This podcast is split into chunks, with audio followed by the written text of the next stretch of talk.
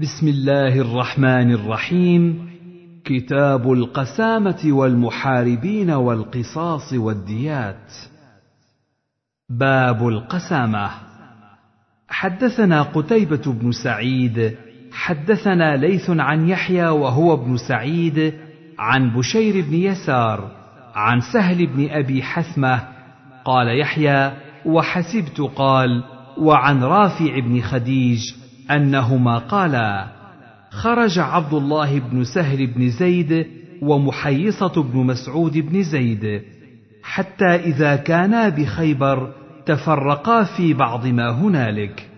ثم إذا محيصة يجد عبد الله بن سهل قتيلا فدفنه ثم أقبل إلى رسول الله صلى الله عليه وسلم هو وحويصة بن مسعود وعبد الرحمن بن سهل. وكان أصغر القوم فذهب عبد الرحمن ليتكلم قبل صاحبيه فقال له رسول الله صلى الله عليه وسلم كبر الكبر في السن. فصمت فتكلم صاحباه وتكلم معهما.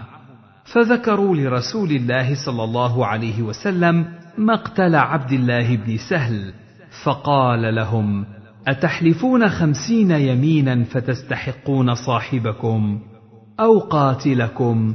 قالوا وكيف نحلف ولم نشهد؟ قال فتبرئكم يهود بخمسين يمينا. قال وكيف نقبل أيمان قوم كفار؟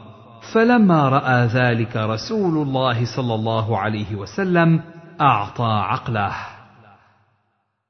وحدثني عبيد الله بن عمر القواريري.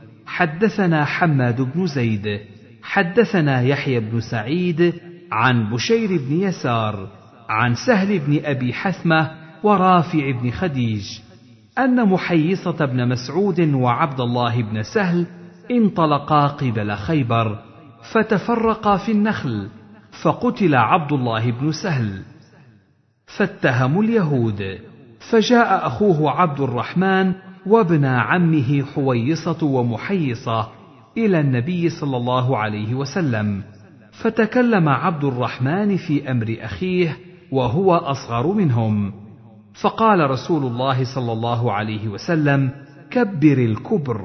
أو قال ليبدأ الأكبر. فتكلما في أمر صاحبهما. فقال رسول الله صلى الله عليه وسلم يقسم خمسون منكم على رجل منهم فيدفع برمته. قالوا أمر لم نشهده كيف نحلف؟ قال فتبرئكم يهود بأيمان خمسين منهم. قالوا يا رسول الله قوم كفار. قال فوداه رسول الله صلى الله عليه وسلم من قبله. قال سهل فدخلت مربدا لهم يوما فركضتني ناقة من تلك الإبل ركضة برجلها. قال حماد هذا أو نحوه. وحدثنا القواريري حدثنا بشر بن المفضل حدثنا يحيى بن سعيد عن بشير بن يسار عن سهل بن أبي حثمة عن النبي صلى الله عليه وسلم نحوه. وقال في حديثه فعقله رسول الله صلى الله عليه وسلم من عنده ولم يقل في حديثه فركضتني ناقة. حدثنا عمرو الناقد حدثنا سفيان بن عيينة حا وحدثنا محمد بن المثنى حدثنا عبد الوهاب يعني الثقفي جميعا عن يحيى بن سعيد عن بشير بن يسار. عن سهل بن أبي حثمة بنحو حديثهم.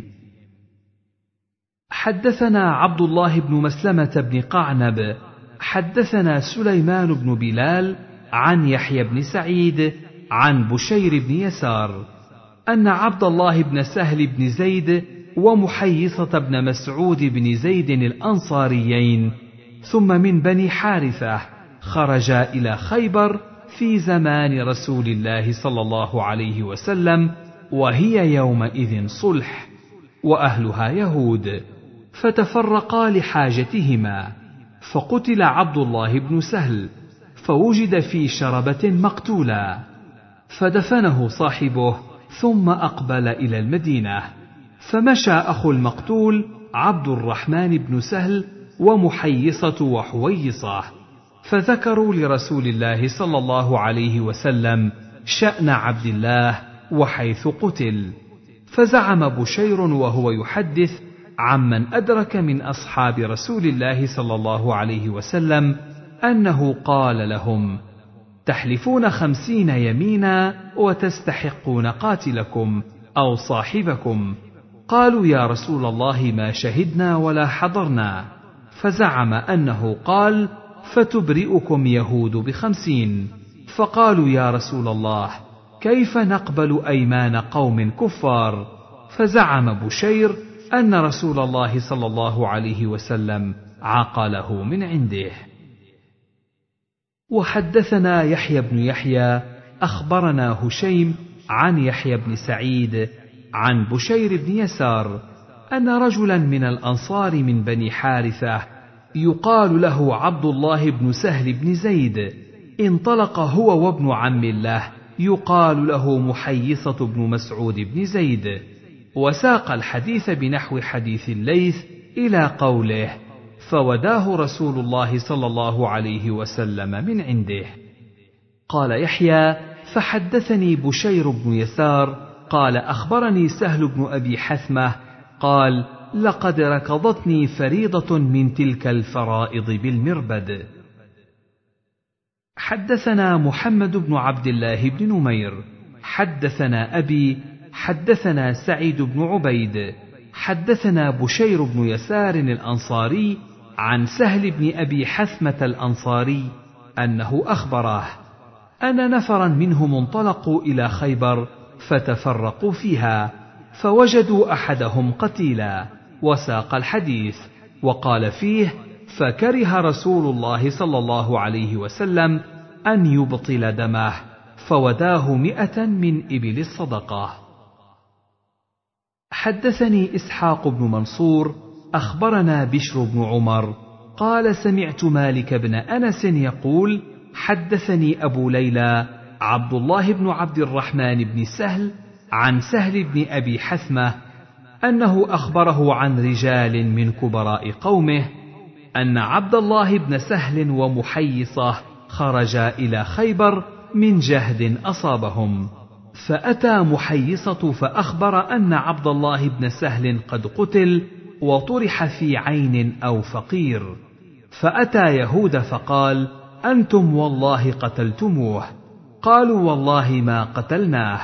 ثم أقبل حتى قدم على قومه فذكر لهم ذلك ثم أقبل هو وأخوه حويصة وهو أكبر منه وعبد الرحمن بن سهل فذهب محيصة ليتكلم وهو الذي كان بخيبر. فقال رسول الله صلى الله عليه وسلم لمحيصة كبر كبر يريد السن. فتكلم حويصة ثم تكلم محيصة. فقال رسول الله صلى الله عليه وسلم إما أن يدوا صاحبكم وإما أن يؤذنوا بحرب. فكتب رسول الله صلى الله عليه وسلم إليهم في ذلك فكتبوا إنا والله ما قتلناه. فقال رسول الله صلى الله عليه وسلم لحويصة ومحيصة وعبد الرحمن أتحلفون وتستحقون دم صاحبكم؟ قالوا لا قال فتحلف لكم يهود. قالوا ليسوا بمسلمين. فوداه رسول الله صلى الله عليه وسلم من عنده. فبعث إليهم رسول الله صلى الله عليه وسلم مئة ناقة حتى أدخلت عليهم الدار. فقال سهل فلقد ركضتني منها ناقة حمراء. حدثني أبو الطاهر وحرملة بن يحيى. قال أبو الطاهر حدثنا وقال حرملة أخبرنا ابن وهب. أخبرني يونس عن ابن شهاب. أخبرني أبو سلمة بن عبد الرحمن وسليمان بن يسار مولى ميمونة زوج النبي صلى الله عليه وسلم عن رجل من أصحاب رسول الله صلى الله عليه وسلم من الأنصار أن رسول الله صلى الله عليه وسلم أقر القسامة على ما كانت عليه في الجاهلية. وحدثنا محمد بن رافع حدثنا عبد الرزاق قال أخبرنا ابن جريج حدثنا ابن شهاب بهذا الإسناد مثله وزاد وقضى بها رسول الله صلى الله عليه وسلم بين ناس من الأنصار في قتيل ادعوه على اليهود. وحدثنا حسن بن علي الحلواني حدثنا يعقوب وهو ابن إبراهيم بن سعد حدثنا أبي عن صالح عن ابن شهاب أن أبا سلمة بن عبد الرحمن وسليمان بن يسار أخبراه عن ناس من الأنصار عن النبي صلى الله عليه وسلم بمثل حديث ابن جريج. باب حكم المحاربين والمرتدين. وحدثنا يحيى بن يحيى التميمي وأبو بكر بن أبي شيبة كلاهما عن هشيم واللفظ ليحيى.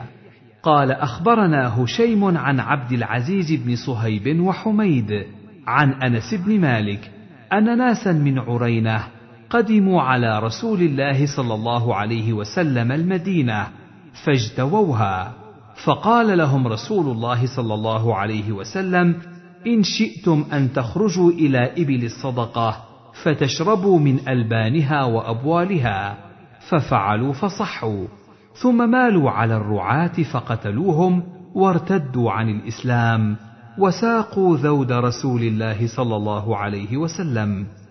فبلغ ذلك النبي صلى الله عليه وسلم فبعث في إثرهم فأتي بهم فقطع أيديهم وأرجلهم وسمل أعينهم وتركهم في الحرة حتى ماتوا. حدثنا أبو جعفر محمد بن الصباح وأبو بكر بن أبي شيبة واللفظ لأبي بكر. قال حدثنا ابن علية عن حجاج بن أبي عثمان. حدثني أبو رجاء مولى أبي قلابة عن أبي قلابة. حدثني أنس أن نفرا من عكل ثمانية قدموا على رسول الله صلى الله عليه وسلم فبايعوه على الإسلام فاستوخموا الأرض وسقمت أجسامهم فشكوا ذلك إلى رسول الله صلى الله عليه وسلم فقال ألا تخرجون مع راعين في إبله فتصيبون من أبوالها وألبانها؟ فقالوا بلى. فخرجوا فشربوا من أبوالها وألبانها فصحوا. فقتلوا الراعي وطردوا الإبل. فبلغ ذلك رسول الله صلى الله عليه وسلم فبعث في آثارهم فأدركوا فجيء بهم فأمر بهم فقطعت أيديهم وأرجلهم وسمر أعينهم ثم نبذوا في الشمس حتى ماتوا. وقال ابن الصباح في روايته واطردوا النعم وقال وسمرت أعينهم وحدثنا هارون بن عبد الله حدثنا سليمان بن حرب حدثنا حماد بن زيد عن أيوب عن أبي رجاء مولى أبي قلابة. قال قال أبو قلابة حدثنا أنس بن مالك. قال قدم على رسول الله صلى الله عليه وسلم قوم من عكل أو عرينة فاجتووا المدينة. فأمر لهم رسول الله صلى الله عليه وسلم بلقاح وأمرهم أن يشربوا من أبوالها وألبانها بمعنى حديث حجاج بن أبي عثمان. قال وسمرت أعينهم وألقوا في الحرة يستسقون فلا يسقون. وحدثنا محمد بن المثنى حدثنا معاذ بن معاذ حا وحدثنا أحمد بن عثمان النوفلي حدثنا أزهر السمان قال حدثنا ابن عون حدثنا أبو رجاء مولى أبي قلابة عن أبي قلابة قال كنت جالسا خلف عمر بن عبد العزيز فقال للناس ما تقولون في القسامة؟ فقال عنبسة قد حدثنا أنس بن مالك كذا وكذا فقلت إياي حدث أنس قدم على النبي صلى الله عليه وسلم قوم وساق الحديث بنحو حديث أيوب وحجاج. قال أبو قلابة فلما فرغت قال عنبسة سبحان الله. قال أبو قلابة فقلت أتتهمني يا عنبسة؟ قال لا هكذا حدثنا أنس بن مالك لن تزالوا بخير يا أهل الشام ما دام فيكم هذا أو مثل هذا.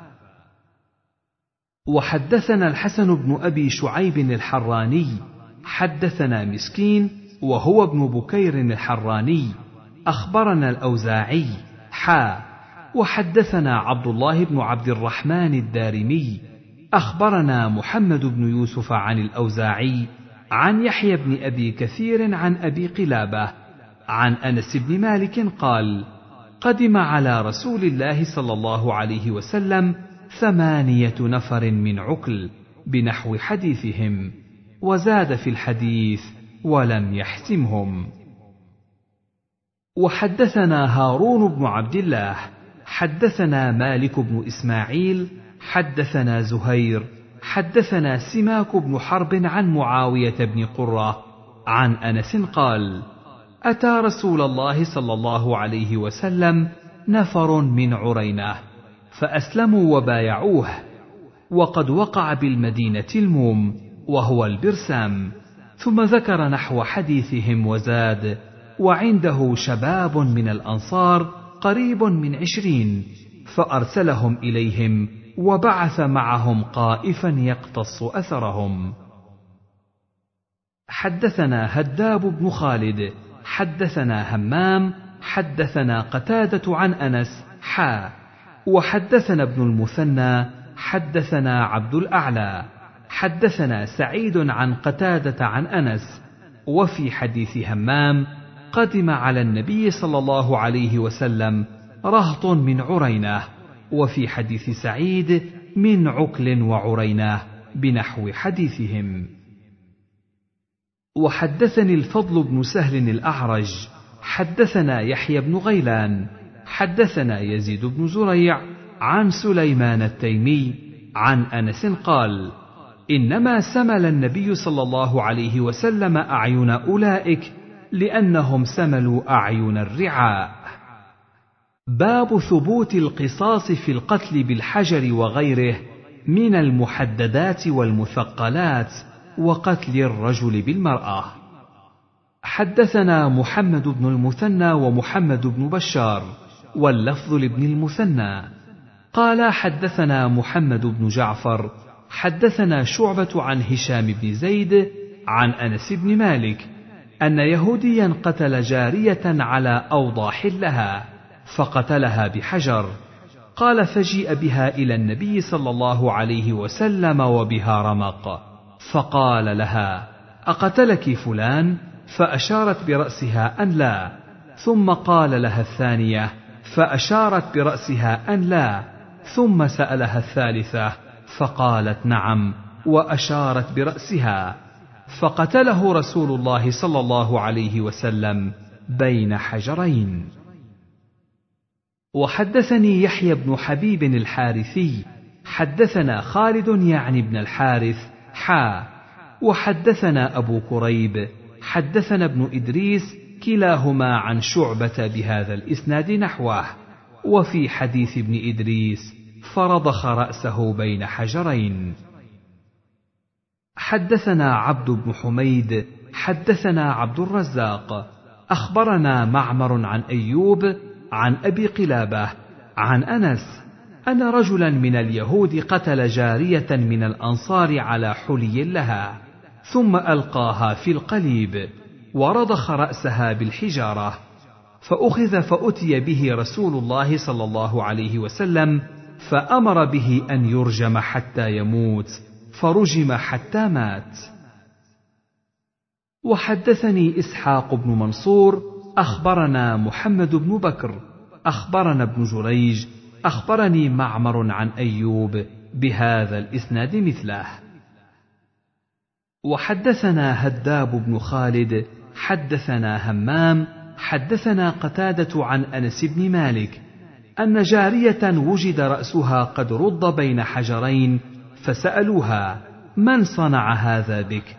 فلان فلان حتى ذكروا يهوديا فأومت برأسها فأخذ اليهودي فأقر فأمر به رسول الله صلى الله عليه وسلم أن يرد رأسه بالحجارة. باب الصائل على نفس الإنسان أو عضوه. إذا دفعه المصول عليه فأتلف نفسه أو عضوه. لا ضمان عليه.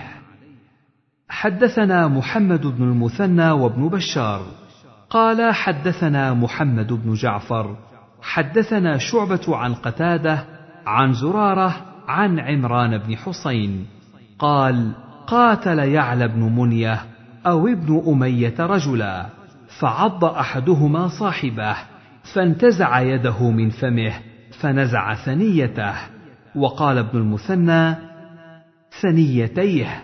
فاختصما إلى النبي صلى الله عليه وسلم فقال أيعض أحدكم كما يعض الفحل؟ لا دية له. وحدثنا محمد بن المثنى وابن بشار قال حدثنا محمد بن جعفر. حدثنا شعبة عن قتادة عن عطاء عن ابن يعلى عن يعلى عن النبي صلى الله عليه وسلم بمثله. حدثني أبو غسان المسمعي حدثنا معاذ يعني ابن هشام حدثني أبي عن قتادة عن زرارة بن أوفى عن عمران بن حسين أن رجلا عض ذراع رجل فجذبه فسقطت ثنيته. فرفع إلى النبي صلى الله عليه وسلم فأبطله وقال أردت أن تأكل لحمه. حدثني أبو غسان المسمعي حدثنا معاذ بن هشام حدثني أبي عن قتادة عن بديل عن عطاء بن أبي رباح عن صفوان بن يعلى أن أجيرا ليعلى بن منية عض رجل ذراعه. فجذبها فسقطت ثنيته فرفع إلى النبي صلى الله عليه وسلم فأبطلها وقال أردت أن تقضمها كما يقضم الفحل. حدثنا أحمد بن عثمان النوفلي حدثنا قريش بن أنس عن ابن عون عن محمد بن سيرين عن عمران بن حسين أن رجلا عض يد رجل فانتزع يده فسقطت ثنيته أو ثناياه. فاستعدى رسول الله صلى الله عليه وسلم فقال رسول الله صلى الله عليه وسلم ما تأمرني؟ تأمرني أن آمره أن يدع يده في فيك تقضمها كما يقضم الفحل ادفع يدك حتى يعضها ثم انتزعها. حدثنا شيبان بن فروخ حدثنا همام حدثنا عطاء عن صفوان بن يعلى بن منية عن أبيه قال أتى النبي صلى الله عليه وسلم رجل وقد عض يد رجل فانتزع يده فسقطت ثنيته يعني الذي عضه. قال فأبطلها النبي صلى الله عليه وسلم وقال أردت أن تقضمه كما يقضم الفحل. حدثنا أبو بكر بن أبي شيبة حدثنا أبو أسامة أخبرنا ابن جريج أخبرني عطاء أخبرني صفوان بن يعلى بن أمية. عن أبيه قال غزوت مع النبي صلى الله عليه وسلم غزوة تبوك قال وكان يعلى يقول تلك الغزوة أوثق عملي عندي فقال عطاء قال صفوان قال يعلى كان لي أجير فقاتل إنسانا فعض أحدهما يد الآخر. قال لقد أخبرني صفوان أيهما عض الآخر فانتزع المعضوض يده من في العاض فانتزع إحدى ثنيتيه فأتيا النبي صلى الله عليه وسلم فأهدر ثنيته. وحدثناه عمرو بن زرارة أخبرنا إسماعيل بن إبراهيم قال أخبرنا ابن جريج بهذا الإسناد نحوه. باب إثبات القصاص في الأسنان وما في معناها. حدثنا أبو بكر بن أبي شيبة حدثنا عفان بن مسلم حدثنا حماد أخبرنا ثابت عن أنس أن أخت الربيع أم حارثة جرحت إنسانا فاختصموا إلى النبي صلى الله عليه وسلم فقال رسول الله صلى الله عليه وسلم القصاص القصاص. فقالت أم الربيع يا رسول الله أيقتص من فلانة؟ والله لا يقتص منها. فقال النبي صلى الله عليه وسلم سبحان الله يا أم الربيع القصاص كتاب الله. قالت لا والله لا يقتص منها أبدا. قال فما زالت حتى قبلوا الدية. فقال رسول الله صلى الله عليه وسلم إن من عباد الله من لو أقسم على الله لأبره. باب ما يباح به دم المسلم. حدثنا أبو بكر بن أبي شيبة حدثنا حفص بن غياث وأبو معاوية ووكيع عن الأعمش عن عبد الله بن مرة عن مسروق عن عبد الله قال قال رسول الله صلى الله عليه وسلم لا يحل دم امرئ مسلم يشهد أن لا إله إلا الله وأني رسول الله إلا بإحدى ثلاث الثيب الزان والنفس بالنفس والتارك لدينه المفارق للجماعة. حدثنا ابن نمير حدثنا أبي حا وحدثنا ابن أبي عمر حدثنا سفيان حا. وحدثنا إسحاق بن إبراهيم وعلي بن خشرم. قال أخبرنا عيسى بن يونس كلهم عن الأعمش بهذا الإسناد مثله. حدثنا أحمد بن حنبل ومحمد بن المثنى واللفظ لأحمد.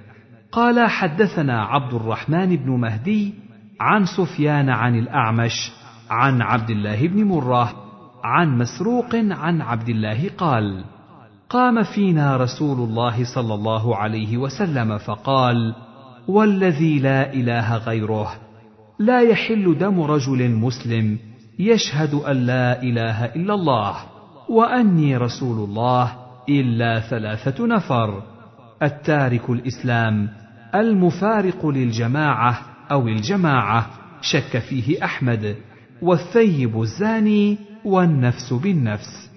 قال الأعمش فحدثت به إبراهيم فحدثني عن الأسود عن عائشة بمثله. وحدثني حجاج بن الشاعر والقاسم بن زكريا. قال حدثنا عبيد الله بن موسى عن شيبان عن الأعمش بالإسنادين جميعا نحو حديث سفيان ولم يذكرا في الحديث قوله. والذي لا إله غيره. باب بيان إثم من سن القتل. حدثنا أبو بكر بن أبي شيبة ومحمد بن عبد الله بن نمير واللفظ لابن أبي شيبة. قال حدثنا أبو معاوية عن الأعمش عن عبد الله بن مرة عن مسروق عن عبد الله. قال قال رسول الله صلى الله عليه وسلم لا تقتل نفس ظلما إلا كان على ابن آدم الأول كفل من دمها لأنه كان أول من سن القتل.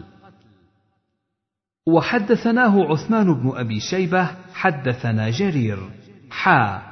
وحدثنا إسحاق بن إبراهيم أخبرنا جرير وعيسى بن يونس. حا. وحدثنا ابن أبي عمر حدثنا سفيان. كلهم عن الأعمش بهذا الإسناد. وفي حديث جرير وعيسى بن يونس لأنه سن القتل لم يذكرا أول. باب المجازاه بالدماء في الآخرة وأنها أول ما يقضى فيه بين الناس يوم القيامة. حدثنا عثمان بن أبي شيبة وإسحاق بن إبراهيم ومحمد بن عبد الله بن نمير جميعا عن وكيع عن الأعمش. حا وحدثنا أبو بكر بن أبي شيبة. حدثنا عبدة بن سليمان ووكيع عن الأعمش. عن أبي وائل. عن عبد الله قال قال رسول الله صلى الله عليه وسلم أول ما يقضى بين الناس يوم القيامة في الدماء. حدثنا عبيد الله بن معاذ حدثنا أبي حا وحدثني يحيى بن حبيب حدثنا خالد يعني ابن الحارث حا وحدثني بشر بن خالد حدثنا محمد بن جعفر حا وحدثنا ابن المثنى وابن بشار قالا حدثنا ابن أبي عدي كلهم عن شعبة عن الأعمش عن أبي وائل عن عبد الله عن النبي صلى الله عليه وسلم بمثله غير أن بعضهم قال عن شعبة يقضى وبعضهم قال يحكم بين الناس. باب تغليظ تحريم الدماء والأعراض والأموال. حدثنا أبو بكر بن أبي شيبة ويحيى بن حبيب الحارثي وتقاربا في اللفظ. قالا حدثنا عبد الوهاب الثقفي عن أيوب عن ابن سيرين عن ابن أبي بكرة عن أبي بكرة عن النبي صلى الله عليه وسلم أنه قال إن الزمان قد استدار كهيئته يوم خلق الله السماوات والأرض. السنة اثنا عشر شهرا منها أربعة حرم ثلاثة متواليات. ذو القعدة وذو الحجة والمحرم ورجب شهر مضر الذي بين جمادى وشعبان. ثم قال أي شهر هذا؟ قلنا الله ورسوله أعلم. قال فسكت حتى ظننا أنه سيسميه بغير اسمه. قال أليس ذا الحجة؟ قلنا بلى. قال فأي بلد هذا؟ قلنا الله ورسوله أعلم. قال فسكت حتى ظننا أنه سيسميه بغير اسمه. قال أليس البلدة؟ قلنا بلى. قال فأي يوم هذا؟ قلنا الله ورسوله أعلم. قال فسكت حتى ظننا أنه سيسميه بغير اسمه. قال أليس يوم النحر؟ قلنا بلى يا رسول الله.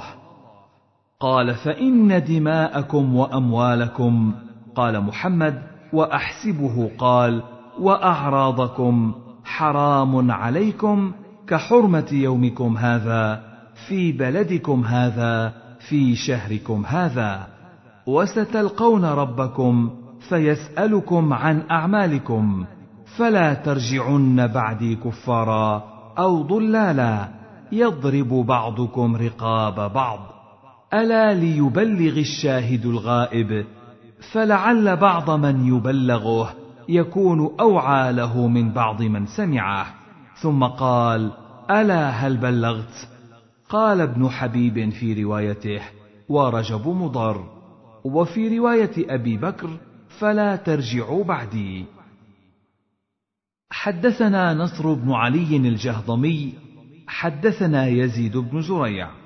حدثنا عبد الله بن عون عن محمد بن سيرين عن عبد الرحمن بن أبي بكرة عن أبيه قال لما كان ذلك اليوم قعد على بعيره وأخذ إنسان بخطامه فقال أتدرون أي يوم هذا؟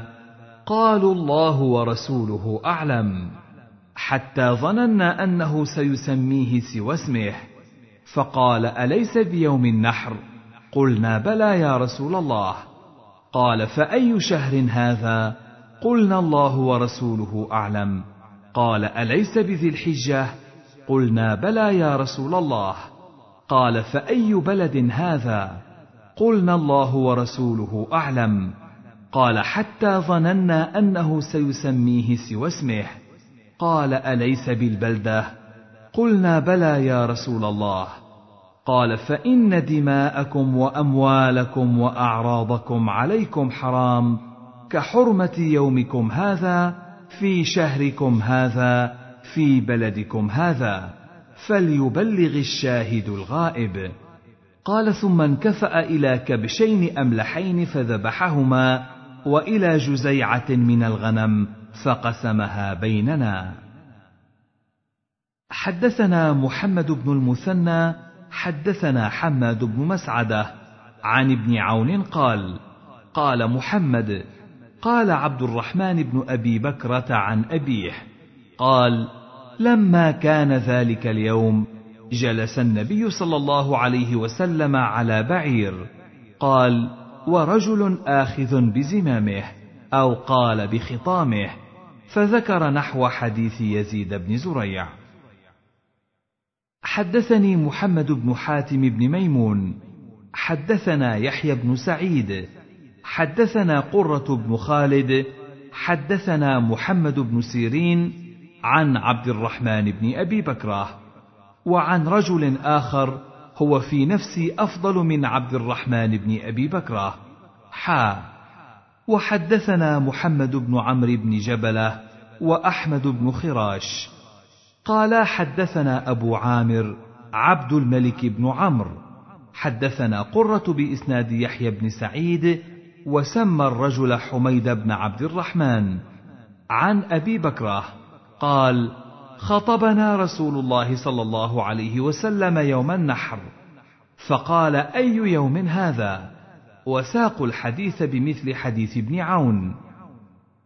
غير أنه لا يذكر وأعراضكم. ولا يذكر ثم انكفأ إلى كبشين وما بعده. وقال في الحديث كحرمة يومكم هذا في شهركم هذا في بلدكم هذا إلى يوم تلقون ربكم. ألا هل بلغت؟ قالوا نعم. قال اللهم اشهد. باب صحة الإقرار بالقتل وتمكين ولي القتيل من القصاص. واستحباب طلب العفو منه. حدثنا عبيد الله بن معاذ العنبري حدثنا أبي حدثنا أبو يونس عن سمك بن حرب أن علقمة بن وائل حدثه أن أباه حدثه قال إني لقاعد مع النبي صلى الله عليه وسلم إذ جاء رجل يقود آخر بنسعة فقال يا رسول الله هذا قتل أخي. فقال رسول الله صلى الله عليه وسلم أقتلته؟ فقال إنه لو لم يعترف أقمت عليه البينة. قال نعم قتلته. قال كيف قتلته؟ قال كنت أنا وهو نختبط من شجرة. فسبني فأغضبني فضربته بالفأس على قرنه فقتلته. فقال له النبي صلى الله عليه وسلم هل لك من شيء تؤديه عن نفسك؟ قال ما لي مال إلا كسائي وفأسي. قال فترى قومك يشترونك. قال أنا أهون على قومي من ذاك. فرمى إليه بنسعته وقال دونك صاحبك. فانطلق به الرجل. فلما ولى قال رسول الله صلى الله عليه وسلم إن قتله فهو مثله. فرجع فقال يا رسول الله إنه بلغني أنك قلت إن قتله فهو مثله وأخذته بأمرك. فقال رسول الله صلى الله عليه وسلم أما تريد أن يبوء بإثمك وإثم صاحبك؟ قال يا نبي الله لعله قال بلى. قال فإن ذاك كذاك. قال فرمى بنسعته وخلى سبيله.